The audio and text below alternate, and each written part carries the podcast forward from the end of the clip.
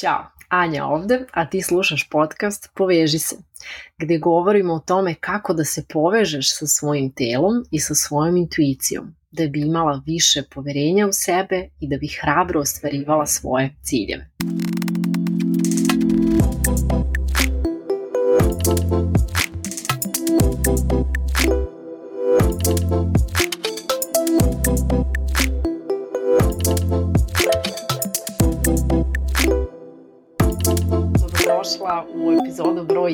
11.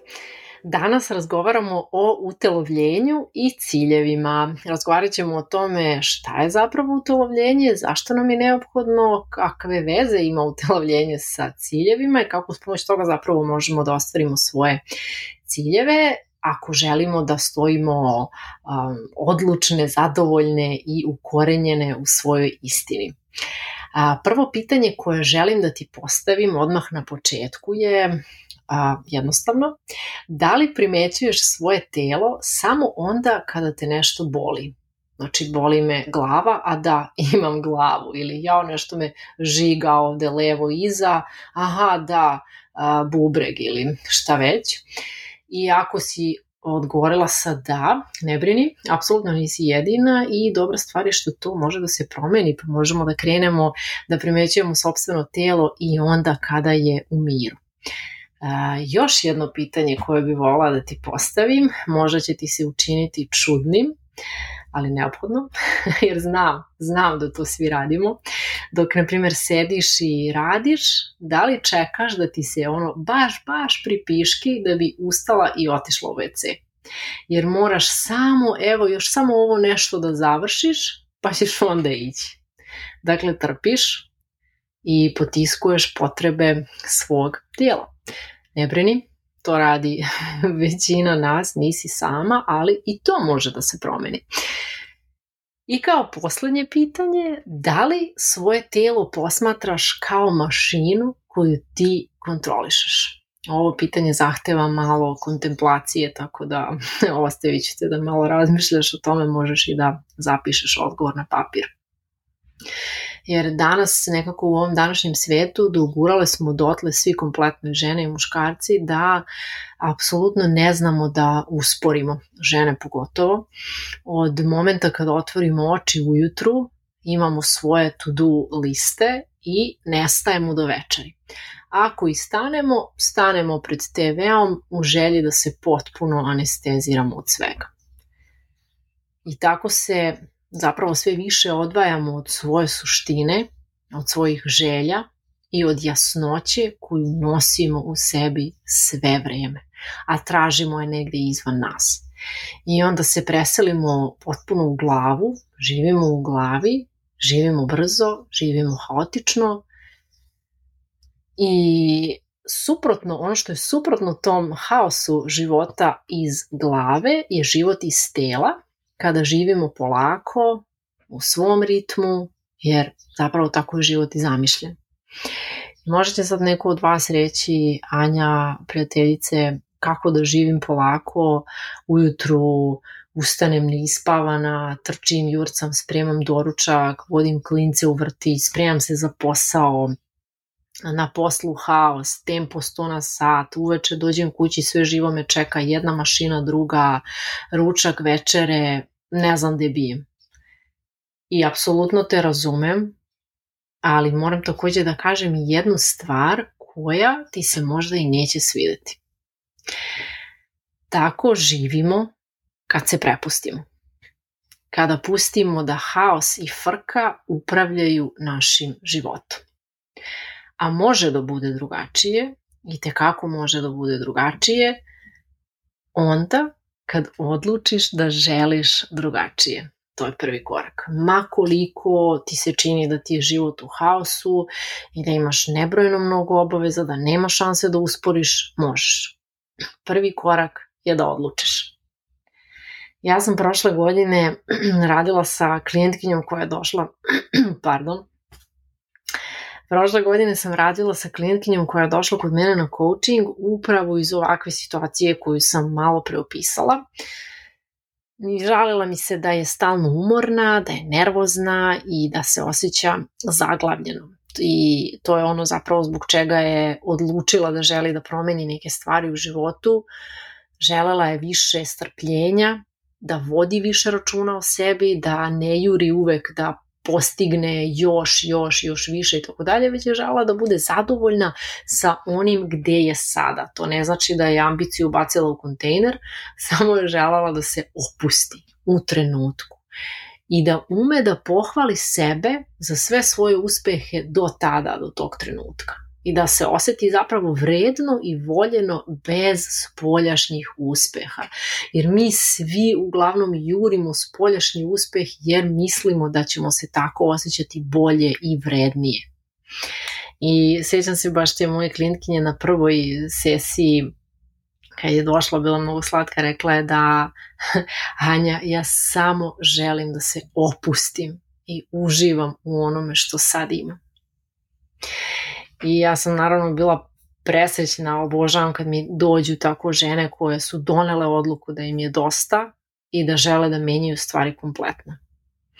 I uživam da pomažem ženama da se povežu sa sobom. Zato se i ovaj podcast zove tako, zato se moji programi nose tu temu, jer kad si povezana, ti si u miru. To je, i to je, to je osnova svega. Na to se sve nadograđuju dalje stvari. I onako kako ja radim sa mojim klijentkinjama, što se pokazalo vrlo efikasno i u mom ličnom iskustvu i u radu sa drugima, jeste da kroz coaching radimo kroz coaching razgovore i imaju moje klijentkinje odvojene prakse utelovljenja koje one rade u svoje vreme i u svom ritmu. E sad, šta je uopšte utelovljenje, odnosno na engleskom embodiment? Pa najjednostavnije rečeno, utelovljenje je zapravo kada živimo život u punoj prisutnosti. Dakle, kada živiš svoje dane i trenutke kroz srce, um i telo zajedno, integrisano. Utelovljenje je proces oživljavanja senzacija u telu.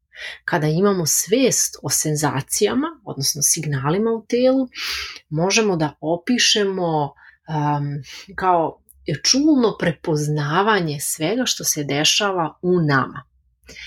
I onda kada život, to jest kada živimo sa čitavom lepezom čulnih i emocionalnih percepcija koje mogu biti uzvišenog karaktera i manje uzvišenog karaktera mi smo tek tada u mogućnosti da uživamo u svom ljudskom iskustvu u potpunosti. A kada smo prisutne u potpunosti, to je sve, to je sloboda. Kada smo povezale telo, um i duh, odnosno ja često govorim umjesto duh, kažem srce. U tim trenucima kada smo žive, otvorene i, i integrisane u bilo kom trenutku u našem životu, u bilo kojoj situaciji da se nađemo. Radi se o toj konekciji uma, srca i tela.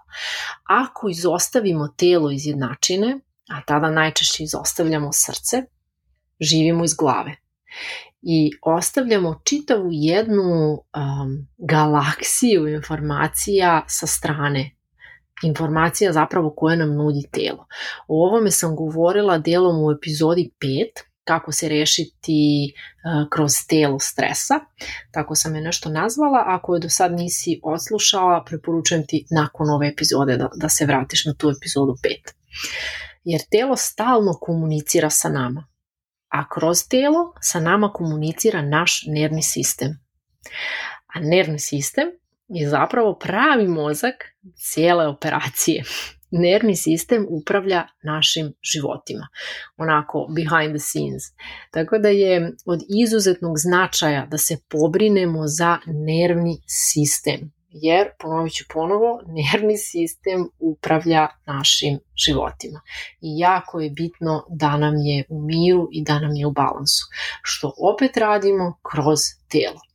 Dakle, obrni okreni, bez tela ujednačeni, nema pomaka kada govorimo o nekim trajnim promenama koje želimo da napravimo, jer setimo se, svi naši obrazci ponašanja, sve naše navike žive u telu. Tako da negde mislim i što se pokazalo i u moje praksi da a, kroz telo najlakše pravimo promenu koju želimo. E, sad možete vi da se zapitate, ok, važi, sve je to tako super, ali kako ja da razumem šta meni moje telo govori? Odnosno, kojim jezikom se meni moje telo obraća? Pa tvoje telo ti se obraća jezikom senzacija. dakle, nije kao neokorteks, odnosno kao uh, poslednje razvijeni deo mozga, odnosno thinking brain, ovaj deo mozga sa kojim razmišljamo, to je ono kad čujemo u glavi narativ, aha, da li ću ovo, da li ću ono, rekla je to, rekla ovo, moram ovo, to je taj deo koji dolazi iz ovog dela mozga koji razmišlja aktivno a nama e, telo se obraća kroz senzacije. I onda kada smo u dosluhu sa telom, veoma nam je lako da prepoznamo te senzacije, odnosno signale. A ako vodimo računa o nervnom sistemu, lako nam je da pročitamo te poruke koje dobijamo kroz senzacije i onda, na primjer, da znamo odmah da li je neki novi posao ili nova prilika, neka nova osoba, da li je to dobro za nas ili to nije dobro za nas. Ovde stavljam zvezdicu jer ovo je sve pod uslovom da nam je nervni sistem regulisan, jer samo u, u, to, u tim okolnostima možemo pravilno da pročitamo te senzacije koje nam, koje nam telo šalje. Ako smo mi sada živeli godinama potiskujući, i ignorišući senzacije koje telo šalje, a budimo realni, većina nas e, je tako živela i živi, um, onda nam se dešava u životu da vrlo često rušimo sobstvene granice, pa onda idemo na slave na koje nam se ne ide, idemo na događaje na koje nam se ne ide, viđamo se s ljudima sa kojima ne želimo da sedimo, nemamo o čemu da pričamo i tako dalje. Dakle, trpimo mnoge stvari u životu prosto iz tog potiskivanja senzacija, znači telo ti kaže ono, ne, nemoj da ideš na tu slavu, ne ide ti se, na, celo telo ti govori da ne ideš, a ti ideš. I e, tako živeći život, potiskujući, ignorišući senzacije, često se osjećamo i neadekvatno za neke stvari u životu, za neke akcije koje želimo da preuzmemo, neadekvatno i nedovoljno i imamo problem kada moramo da donesemo neke odluke, osjećamo se zaglavljeno, u nekom smo filmu kao da život radi protiv nas. I zato iz svog iskustva mogu da potvrdim kao iz iskustva mojih klijentkinja, znam da su prakse utelovljenja ključne. Apsolutno ključne da se vratimo sebi kroz telo i da naučimo da slušamo senzacije jer niko osim nas samih nije stručnjak za naš život. Dakle, ni jedan coach, ni jedan terapeut, niko, mentor, niko ne može da ti kaže kako ti treba da živiš, jer ti to sama već znaš. Samo si se možda odcepila od tog dela. Sama si svoj stručnjak, da ne kažem stručnjakinja, i tu je sloboda. Tu apsolutno leži sloboda. I ponovit ću ponovo, negde sam to već i napisala, da rečenicu koju sam čula od Esther Hicks još pre dosta godina koja mi je onako odzvonila i ostala upamćena u glavi, a rečenica je onaj koji je povezan moćniji je od miliona koji nisu. Zapamti tu rečenicu, sigurna sam da će ti služiti. Da, rekla sam takođe da ćemo pričati o ciljevima. E, tako moji klijenti kad dođu naravno imaju određene ciljeve koje žele da ostvare, isto kao što i ja i ti e, imaš određene ciljeve koje želiš da ostvariš. I ono što sam ja primetila prvenstveno kroz, kroz moje lično iskustvo, kroz uh, iskustvo mojih drugarica i bliskih žena, kao i rad sa, kroz rad sa, sa ženama, kroz coaching, primetila sam jednu jako bitnu stvar, a to je da kada su u pitanju ciljevi, kod nas, žena, to ne ide linearno. često sam na raznim seminarima, programima, motivacionim i tako dalje, gde radimo na ciljevima, postavljamo ciljeve, idemo korake, pišemo, fokusirani smo i ostalo. I onda se vrlo često desi da žene imaju otpor ka tome, veliki otpor u tome. I zapravo nekako shvatam iz iskustva da nismo dizajnirane da tako idemo linearno, da postavimo cilj i onda korake, aha, znači moram to, to, to, to, to i to i onda cepam ono, jedan po jedan korak dok ne stignem na cilj. Mislim da je stvar malo kompleksnija. I često mislimo da bismo ostvarile cilj da nam je potrebna disciplina. Međutim, mi žene, kada čujemo riječ disciplina, većina nas se zgrči. Apsolutno. Znači to, to mi je reklo jako puno žena s kojima sam radila i ja sama to mogu da potvrdim. Zapravo svašta nešto je povezano uz tu riječ disciplina i onda nekako i reakcija uopšte ne čudi. I umesto da ostvarujemo ciljeve i sve te korake koje smo postavili i napisale, mi prokrastiniramo, dugovlačimo, svašta nam nešto odlači pažnju, zbunjene smo, frustrirane jer se ne pomeramo s mesta. A ponovo ponavljam da kroz iskustvo, kroz rad sa ženama, um, primetila sam da najlakše ostvarujemo ciljeve onda kada nam je telo potpuno okrenuto ka tom cilju. Onda kada čitavim telom osjećamo da to je to i nije ključna disciplina. Disciplina kao takva ne radi. Tako se pokazalo kroz iskustvo. Već ono, ono što radi je posvećenost. Posvećenost tom cilju, tom razlogu i moje neko zašto. Zašto idem ka tom cilju i nekako a, jako lepa reč na engleskom za tu posvećenost je devotion.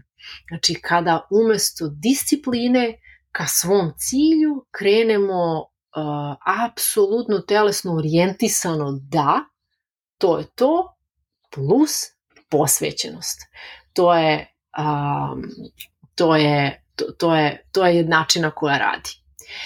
I zato kad radim sa ženama mi postavimo ciljeve, postavimo želje i neku viziju kako je želimo da stignemo i onda idemo da ispitamo šta se nalazi na putu do tog cilja. Šta se nalazi u telu i šta nam telo kaže na to. Jer mi vrlo često životno tako postavimo neke ciljeve, postavimo korake i kao idemo, idemo ludilo, da, da, to je to.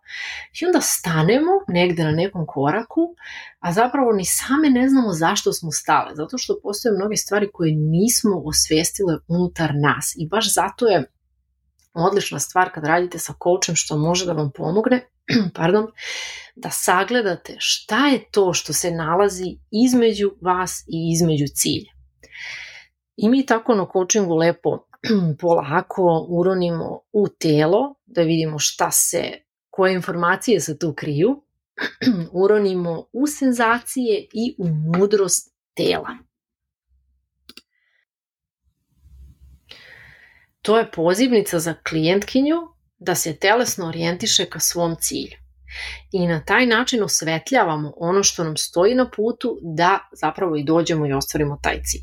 Možda je to neko uverenje koje nas drži u mestu, možda je to neka misao, neka neintegrisana tenzija, neke neprijatne senzacije, šta god da je, doći ćemo do toga i ovaj rad je dubok rad, ovaj rad zahteva izuzetnu hrabrost i ranjivost, ali ako smo posvećene, ako zaista želimo to, donosi fenomenalne rezultate. Jer ulazimo, to jest otvaramo se za stanje koje se može nazvati stanje toka, odnosno flow, gde smo protočne da čujemo i osetimo gde smo i da li se krećemo u željenom pravcu. Umesto da kada onako bez tela samo postavimo ciljeve i postavimo korake i krenemo odmah u akciju, pa se u, u, u nebrojeno mnogo slučajeva zaglavimo, zakočimo, onda odustanemo na pola puta, a, ne stignemo tamo gde smo želele, pa se onda kinjimo zbog toga, bičujemo samo sebe, eto ja nikad nigde, zašto ovo ono. A ovako malo, malo po malo zaronimo u svoje dubine. Ali onako, kao, kao ronjenje na dah. Nećemo se odmah spustiti ne znam koliko metara, na 10 metara dubine, nego ići ćemo polako, vežbamo, idemo lagano, dokle je prijatno, pa još malo, pa još malo i tako. Treniramo, to isto nešto što se trenira. Idemo lagano i sigurno. ne želimo da se ugušimo, već laganin, polako. Tako da ako želiš da živiš samopouzdano, što u stvari znači da živiš sa punim poverenjem u svoje sposobnosti, moraš da se vratiš u telo. Znači, nema druge. I ako zaista želiš da ostvaruješ svoje ciljeve i da oni ne ostanu samo ideje na papiru, neophodno je da se povežeš sa telom i da se povežeš sa srcem i da na taj način naučiš da slušaš inteligenciju tela. Jednom sam čula pre par godina jednu jako zanimljivu priču, to sam čula od Filipa Šeparda, na jednom njegovom predavanju, da su, sad da li ću ispričati dobro, point, razumjet ćete poentu, a, dakle priča ide da su, istinita priča, da su određena plemena u Polineziji, a, kad se rode deca, i sad ne znam od kog, negde verovatno još dok su bebe, oni ih stave tako kao u neke male čamce, recimo neke ploveće kolevke i da bi zapravo da bi deca, to jest bebe, tako naučili da telom opažaju plimu, oseku, pravac vetra, a, morske struje. Zamislite sad, znači tako male bebe koje samo svojim telom primećuju sve te a, prirodne fenomene i onda tako odrastajući, pošto su jeli od malih nogu zapravo odrasle na vodi, a, ti ljudi, te bebe postaju vrsni moreplovci kojima uopšte ne trebaju moderni gedžeti da bi mogli da navigiraju velikim morima, sva ta znanja, sva ta inteligencija prirodna već se nalazi u njima, kao što se nalazi u svima nama, samo je nismo vežbali, gušili smo je i tako dalje. I onda sad pogledaj koliku inteligenciju mi ostavljamo po strani. Ne moramo da plovimo morem uz sobstvenu navigaciju, ali ono što možemo je da naučimo da plovimo svojim životom koristeći tako moćnu navigaciju sa kojom smo opremljeni, a to je naše telo. Nadam se da ti je ova epizoda bila korisna. A, ovo je tema oko koje sam ja strastvena, zaista, jer se videla sam na svom primeru i u primeru mojih klijentkinja koliko je moćna Ostavi mi komentar ispod, voljela bih uvek volim da čujem šta vi mislite o, o epizodama i generalno o temama, podeli je sa bliskim ženama iz tvog okruženja da i njima bude korisna i ispod ove epizode nalazi se link gde možeš da se prijaviš na jedan na jedan coaching sa mnom. Meni bi bilo ogromno zadovoljstvo i čast da ti budem podrška dok koračaš ka svojim ciljevima. Hvala ti puno na slušanju i čujemo se sledećeg petka. Ćao!